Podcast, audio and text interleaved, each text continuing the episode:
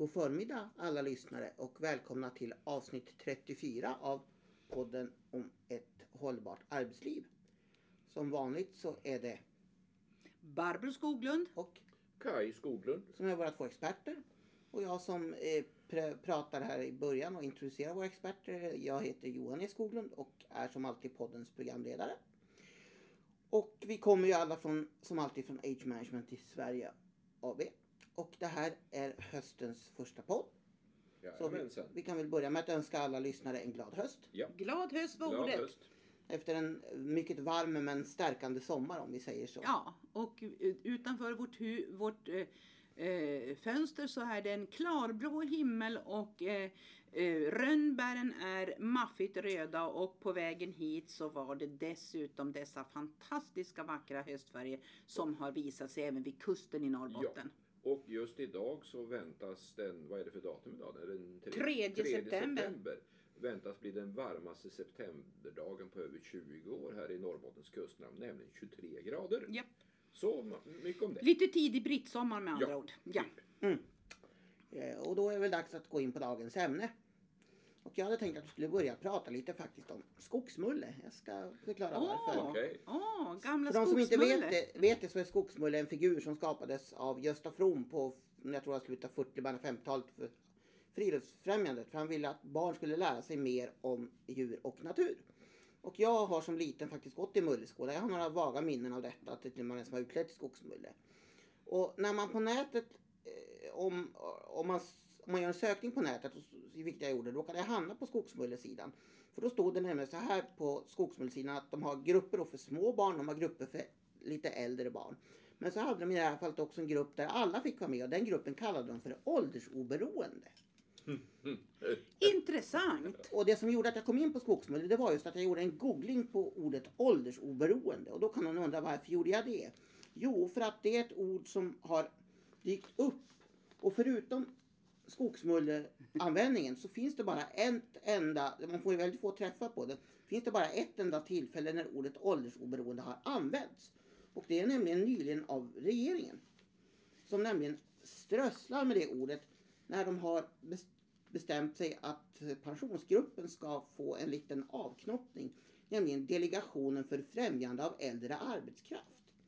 För i kommittédirektivet så talas det om åldersoberoende synsätt i arbetslivet. Och vi ska uppnå en mer åldersoberoende syn i arbetslivet under hela arbetslivet. Och, med, och mot, det är vad de ska göra kommittén. Och motverka problem med fördomar mot äldre och åldersdiskriminering. Och även i då det här, det här det, även då i det här som eh, i det här pressmeddelandet då, där de hade sitt första möte och bjöd in media. Så skrev de också att vi ska ha en, vi vill se en mer inkluderande åldersoberoende svensk arbetsmarknad. Och delegationen ska arbeta för ett mer inkluderande och åldersoberoende synsätt i arbetslivet och identifiera hinder och möjligheter för att bättre kunna tillvarata äldres kunskap och erfarenhet. Delegationen ska även föreslå åtgärder som motverkar åldersdiskriminering. Där kom det. Och då Där tyckte jag det det. kunde vara intressant med denna lilla inledning.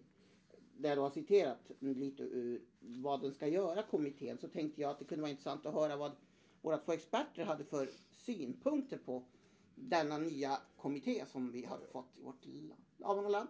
Nu får vi hå- hålla eh, Hästarna. hästarna inne för det skulle kunna bli väldigt långt. Ja, vi, bör, vi börjar lite enkelt. Vill du börja? Ja, jag Mm. börjar. Eh, Age Management i Sverige AB fyller 20 år i höst. Faktiskt i dagarna. Då hette vi inte Age Management i Sverige utan då hette vi BCS Kompetensutveckling AB. Eh, vi bytte namn hösten 2000. Det är alltså 18 år sedan. Och det gjorde vi därför att vi sprang på, det var Kaj som sprang på den finska forskningen som myntade ordet age management. Att vi förstod att det handlade om ledarskap och ålder i arbetslivet var en självklarhet. Och resten är historia. Ni som har lyssnat på våra poddar när det gällde det, vi ska inte upprepa oss. Men det, det vi konstaterade som gamla chefer, då, då hade vi 25 år var i bagaget som operativa och strategiska chefer, att eh, skulle man gå den väg som, som vi hade varit med om kopplat till bland annat jämställdhet och andra, andra viktiga frågor så eh, handlade det om det vi landade på, pragmatiskt chefsbeteende. Där man har nytta av det tar man till sig. Och för att hoppa till dagsläget. Vi var alltså 18 år för tidiga för vi trodde att alla skulle se nyttan av det här. Så var det inte. Men däremot så handlar det om arbetsmiljö och så vidare. Vi knallar på fortfarande. Kai är en vecka gammal idag som 68-åring. Mm, mm. Jag är lite drygt eh, fyra månader eh, som 67. Och vi är fortfarande sedda och behövda av våra kunder vilket vi är stolta och ödmjuka inför. Det som är det intressanta är att vi jobbar väldigt mycket ute i, i arbetslivet, offentlig och privat sektor, kopplat till organisationsförändringar, komplicerade arbetsmiljöutredningar, ledning och styrning. Och den verklighet som vi ser i de här direktiven, den ser inte vi. Vi ser alltså en arbetsmarknad där den pragmatiska arbetsgivaren eh, anställer pensionerade lärare, pensionerade sjuksköterskor, pensionerade doktorer och som knallar på utifrån perspektivet att de är behövda. Eh, så att arbetsmarknaden åtminstone det vi ser, den kanske inte, men den har börjat att rätta in sig så att säga i nyttoperspektivet. Ja, det kanske, det, när det inte räcker till, då vänder man sig till där det finns och det finns den kompetens man är ute efter. Sen finns det en parameter till som jag vill bara lyfta fram som vi pratade om flera gånger i vår första poddserie kopplat till det åldersmedvetna ledarskapet. Och det är det att den här åldersfokusen, det här åldersoberoende ordet, ja men det är inte så pjåkigt, det är faktiskt riktigt bra. Därför att ålder är ingen, kronologisk ålder är ingen, inget bra mått på arbetsförmåga.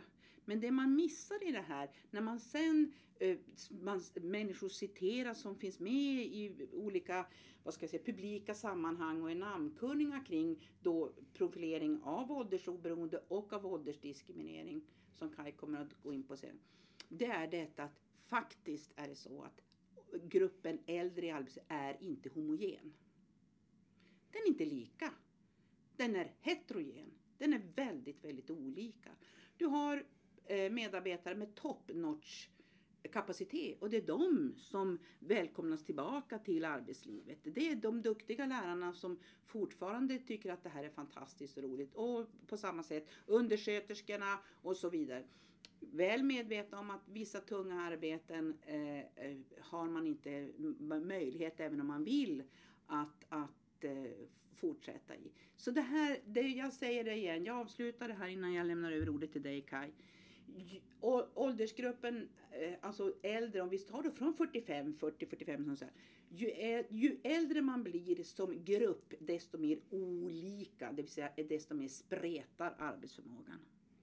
Mm. Ja, och vi, det, vi, är man intresserad av det lite mer djupt så har vi en tidigare podd och det är bara att gå in på och, och se vad man ska lyssna på den. Men jag stannar där. Men medan vi pratar med dig Barbro, Mm. du hade väl också lite synpunkter har jag förstått på gruppens, vad ska jag säga, på dess sammansättning och medlemmar. Ska vi ta det, ska vi ta Kaj först? Ja, det är Kajs, det är Kajs det- det- område. Kaj- det- som är Kaj som vill ta den. Vi ska inte liksom knycka från... Nej, från, men vi hade båda pratat om det när vi förpratade inför Det är podden. samma regler här som på minuten. Man får inte knycka från, från, någon annan del. Stjäla ämnet. Men då ger, då, då ger vi. Kaj en Jo, minut då, eller ja. mer. Ja, det blir nog mer. För det första, här dyker återigen ordet åldersdiskriminering upp. Och vi har ju nu under ett stort antal tillfällen utbildat chefer och arbetsledare och även medarbetare i det här med åldersmedvetenhet. och fackliga företrädare. Och politiker. Och med stor framgång. Och vi har aldrig någonsin använt begreppet åldersdiskriminering. För det första tror vi det är helt kontraproduktivt.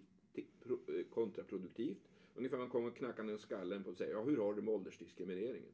Det här, går att, det här löser vi hjälp med att prata om fakta om hur ålder påverkar arbetsförmågan. Kan påverka den både på grupper och individnivå positivt och negativt. Och det är den vägen man måste gå. För det andra så är det här en ganska, man tittar på sammansättningen av, av den här gruppen.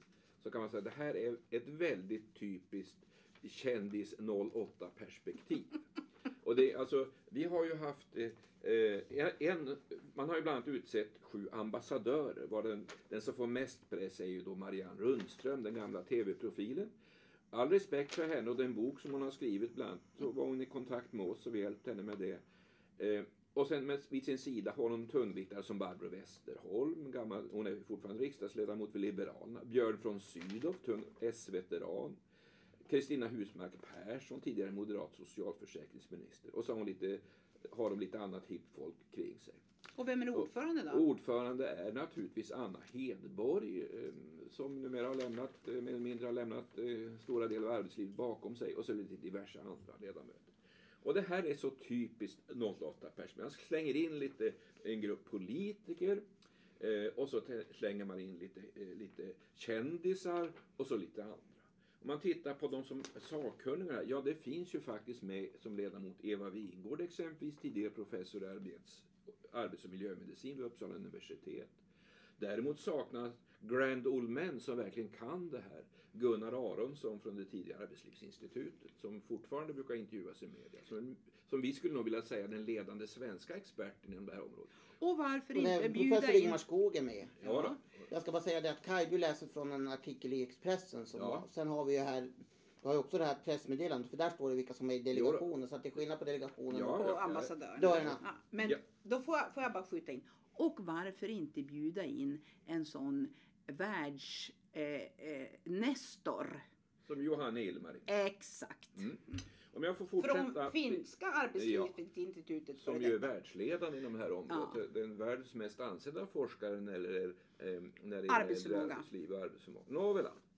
Ehm, och sen ska man då eh, naturligtvis ut och predika det här på något sätt. Men var är arbetslivet? Och var är de som har det absolut Var är företrädarna för vårdens äldre kvinnor? Till exempel alla dessa undersköterskor som nu ska eh, börja närma sig 60 och som börjar uppleva att arbetet blir allt tyngre. Och arbetsgivare som inte kan det med äldre arbetslivet och hur man ska ta vara deras resurser. Det vill De säga- finns överhuvudtaget Det vill inte det här. säga, var är den fackliga organisationerna och var är arbetsgivarnas? Ja. or- De kanske blir inbjudna på de här seminarierna. Vi Ja, ja. förstår att det ska vara ett brett angrepp. För om Men- jag får, Men det är intressant får att de komma in, in där. inte, jag ska bara avsluta min mening, Oj, min kära programledare. eh, vi, vi ser dem inte representerade här. Nej, vi ser, nej. nej. Och därför kommer det, det här kommer bli en ganska trevlig, ytterligare en trevlig sån där litet projekt som hamnar så småningom på projektkyrkogården. Vilket är väldigt synd. Sen kan man ju fundera på varför tar man inte upp det som är så centralt. Tidigare in, senare ut. Det här verkar ju bara vara en fråga för pensionärer numera. Eh, och det tycker jag är synd. Jag har en sista grej här programledare. Mm, får jag ta en sak först för det hade med det Barbro sa Ja, det är du som leder. Ja. Då vill jag bara ta, för att jag vill bara leka lite djävulens advokat om jag får i det här fallet och bara ta ett litet citat, eller ett lite längre citat ur kommittédirektivet. ja. Det står så här under uppdraget nämligen. Detta ska göras genom att sammanföra olika relevanta samhällsaktörer, Mm. inom parentes exempelvis forskare, opinionsbildare, pensionärsorganisationer, arbetsmarknadens parter och relevanta myndigheter, slut parentes, Mm. För att diskutera dessa frågor och inspirera samt föreslå Ja. åtgärder.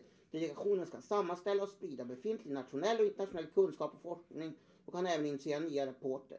Ja. Nya rapporter. Det var det jag ville säga. Sen får vi se om det leder till något. Det men- var, ja, då vill jag säga så här till djävulens advokat, det vill säga program, herr programledare, att det var det jag lite snabbt eh, sa. Det, det kommer säkert att bli, för jag hade också läst samma sak. Men det här är signalsystem vi pratar om. Vi pratar inte om vad som står i kommittédirektiven där man räknar upp de här på, på utan det, det signalsystemet är vilka är det som står med namn och kompetens i det här sammanhanget. Det är det som är eh, och sen naturligtvis stor frihet till den här då delegationen att själv välja.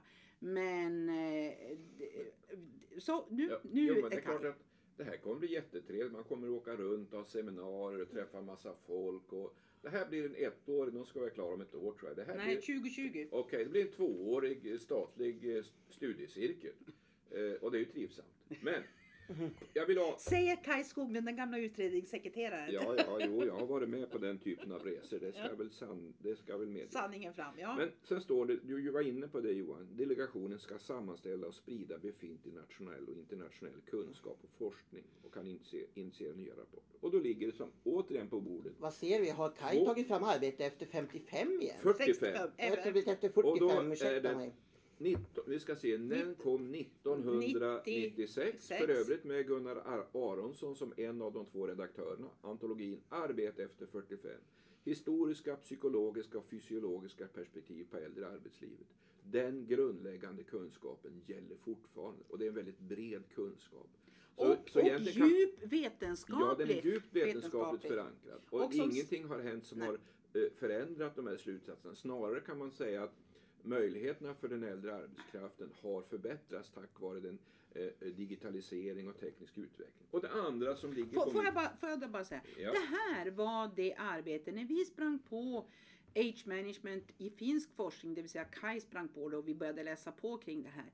Så hittade vi också det, denna arbete efter 45. När vi började dokumentera och skriva våra böcker så har innehåll, även om den är väldigt forskningsbaserad, den är alltså st- stuprörs, eh, vad ska jag säga, redaktionell på ett sätt så är det så att vi har alltså, och det, varje gång när vi tittar på en studie, när vi kollar, så kan vi säga arbete efter 45 håller och den finska forskningen håller. Det är lite sådana här små variabler när syreupptagningsförmågan börjar försämras eller något sådana där små som inte alls har någon större relevans på arbetslivets innehåll. För det är ju det det här är frågan om. Ja. Och det andra jag har framför mig det är en liten, eh, en, en liten eh, skrift eh, som heter Scandinavian Journal of Work, Environment and Health från 1997. Publicerad utgiven av Arbetslivsinstituten i Finland, Danmark, Norge och Sverige. Ja. Och där finns rapporten eh, med Johan Ilmarinen som huvudförfattare. Finnish Research Project on Aging Workers in 1981 to 1992. Detta är grunden för age management, det åldersmedvetna ledarskapet. Forskningen finns. Vi har paketerat den på att den, så att den blir praktiskt användbar och det har beskrivit våra böcker. Och det, vi kan bara hoppas att den här delegationen, om man nu kan hoppas på detta, kommer att fortsätta eller arbeta i den andan. Då kanske man trots allt kan åstadkomma någonting konstruktivt och bra, vilket är en from förhoppning från Kalle. Mm. Och jag kan säga så här att nästan varje gång, inte alltid, men nästan varje gång när vi gör en redovisning kopplat till komplicerade arbetsmiljöförhållanden som har eh, är initierade av arbetsgivare tillsammans med fackliga organisationer på första linjens arbetsplatser så är det inte ovanligt, eller nästan varje gång inte, att presentera arbetsförmågehuset för att just binda ihop det som, som ju gläder oss. Vi kan ju säga att det är något positivt, nej, fast det inte står här. Men när man börjar titta på vad är det som gör att folk ska kunna jobba längre, vara en attraktiv, och ar, arbetsmiljön. Mm. Och det här har, har, har forskningen sett väldigt länge. Stor respekt för fackliga organisationer och lön. Men det är arbetsmiljön. Och där ser vi de olika eh, parametrarna, som det brukar heta, för att sy ihop så att säga en väl fungerande arbetsmiljö som inte är någon mainstream check-up utan det man måste anpassa det här efter varje arbetsplats. Säger Barbro som i eftermiddag ska redovisa resultatet av, det är väl i stort sett vårt 60 uppdrag på temat organisatorisk och social arbetsmiljö. Och- Psykosocial arbetsmiljö som det hette tidigare. Och där kunskapen och, och arbetsförmågehuset är kommer att utgöra Kommer en utgöra, central ja. del. Och- Men det är också kopplat till det systematiska, den gamla sammen från 2001 kolon 1 som faktiskt lyfte för första gången på riktigt och som lever i högsta välmåga fortfarande. Nu är bara Ja, nu börjar skruva på sig. Nej, inte alls. Jag tyckte bara att det var, det var, det var så perfekt avslutning att jag inte hade kunnat komma på en bättre själv. Nå, men Utan- nästa podd, då är det något planerat? Ja, det är det faktiskt. Då blir det åka av. Oj då. Oj då. Jo. Ska vi vara mindre griniga då? Nej, men vi ska ut på vägarna. Det har, sitter nämligen med en, en artikel här som heter Äldre yrkesförare ska lockas tillbaka. Okej. Sen har jag en annan eh, rubrik som heter, en annan artikel som heter Förarbrist kan ge många jobb bakom ratten. Ja. Okej. Så vi tänkte att vi skulle gå ut på vägarna och kommentera det. Ja, det och det, här är jätte, det här är ett väldigt bra exempel och framförallt det Kai sa alldeles nyss. Tidigare in, senare ut. Jo. Det tycker jag att vi har som en cliffhanger ut, apropå ut på vägarna och yrkeschaufförer. Yes.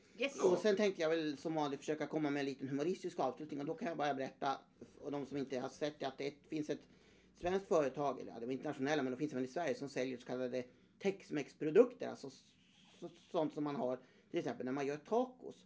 Och de har upp, upp, uppskatt, upp, eller tycker att det är så många som sitter med mobilen vid vad heter det, vid vad heter det, Fredagsmyset. vid fredagsmyset och istället, istället för att umgås i matbordet. Därför har de startat en app som man kan ladda ner och som är en klocka som man kan trycka på. Då börjar klockan räkna hur länge du har varit ifrån mobilen. Och så fort du tar mobilen igen så slutar den där att räkna. Och den appen har de kallat för Tack och hej. Så därför tänkte jag att vi kunde avsluta med att säga just Tack och hej!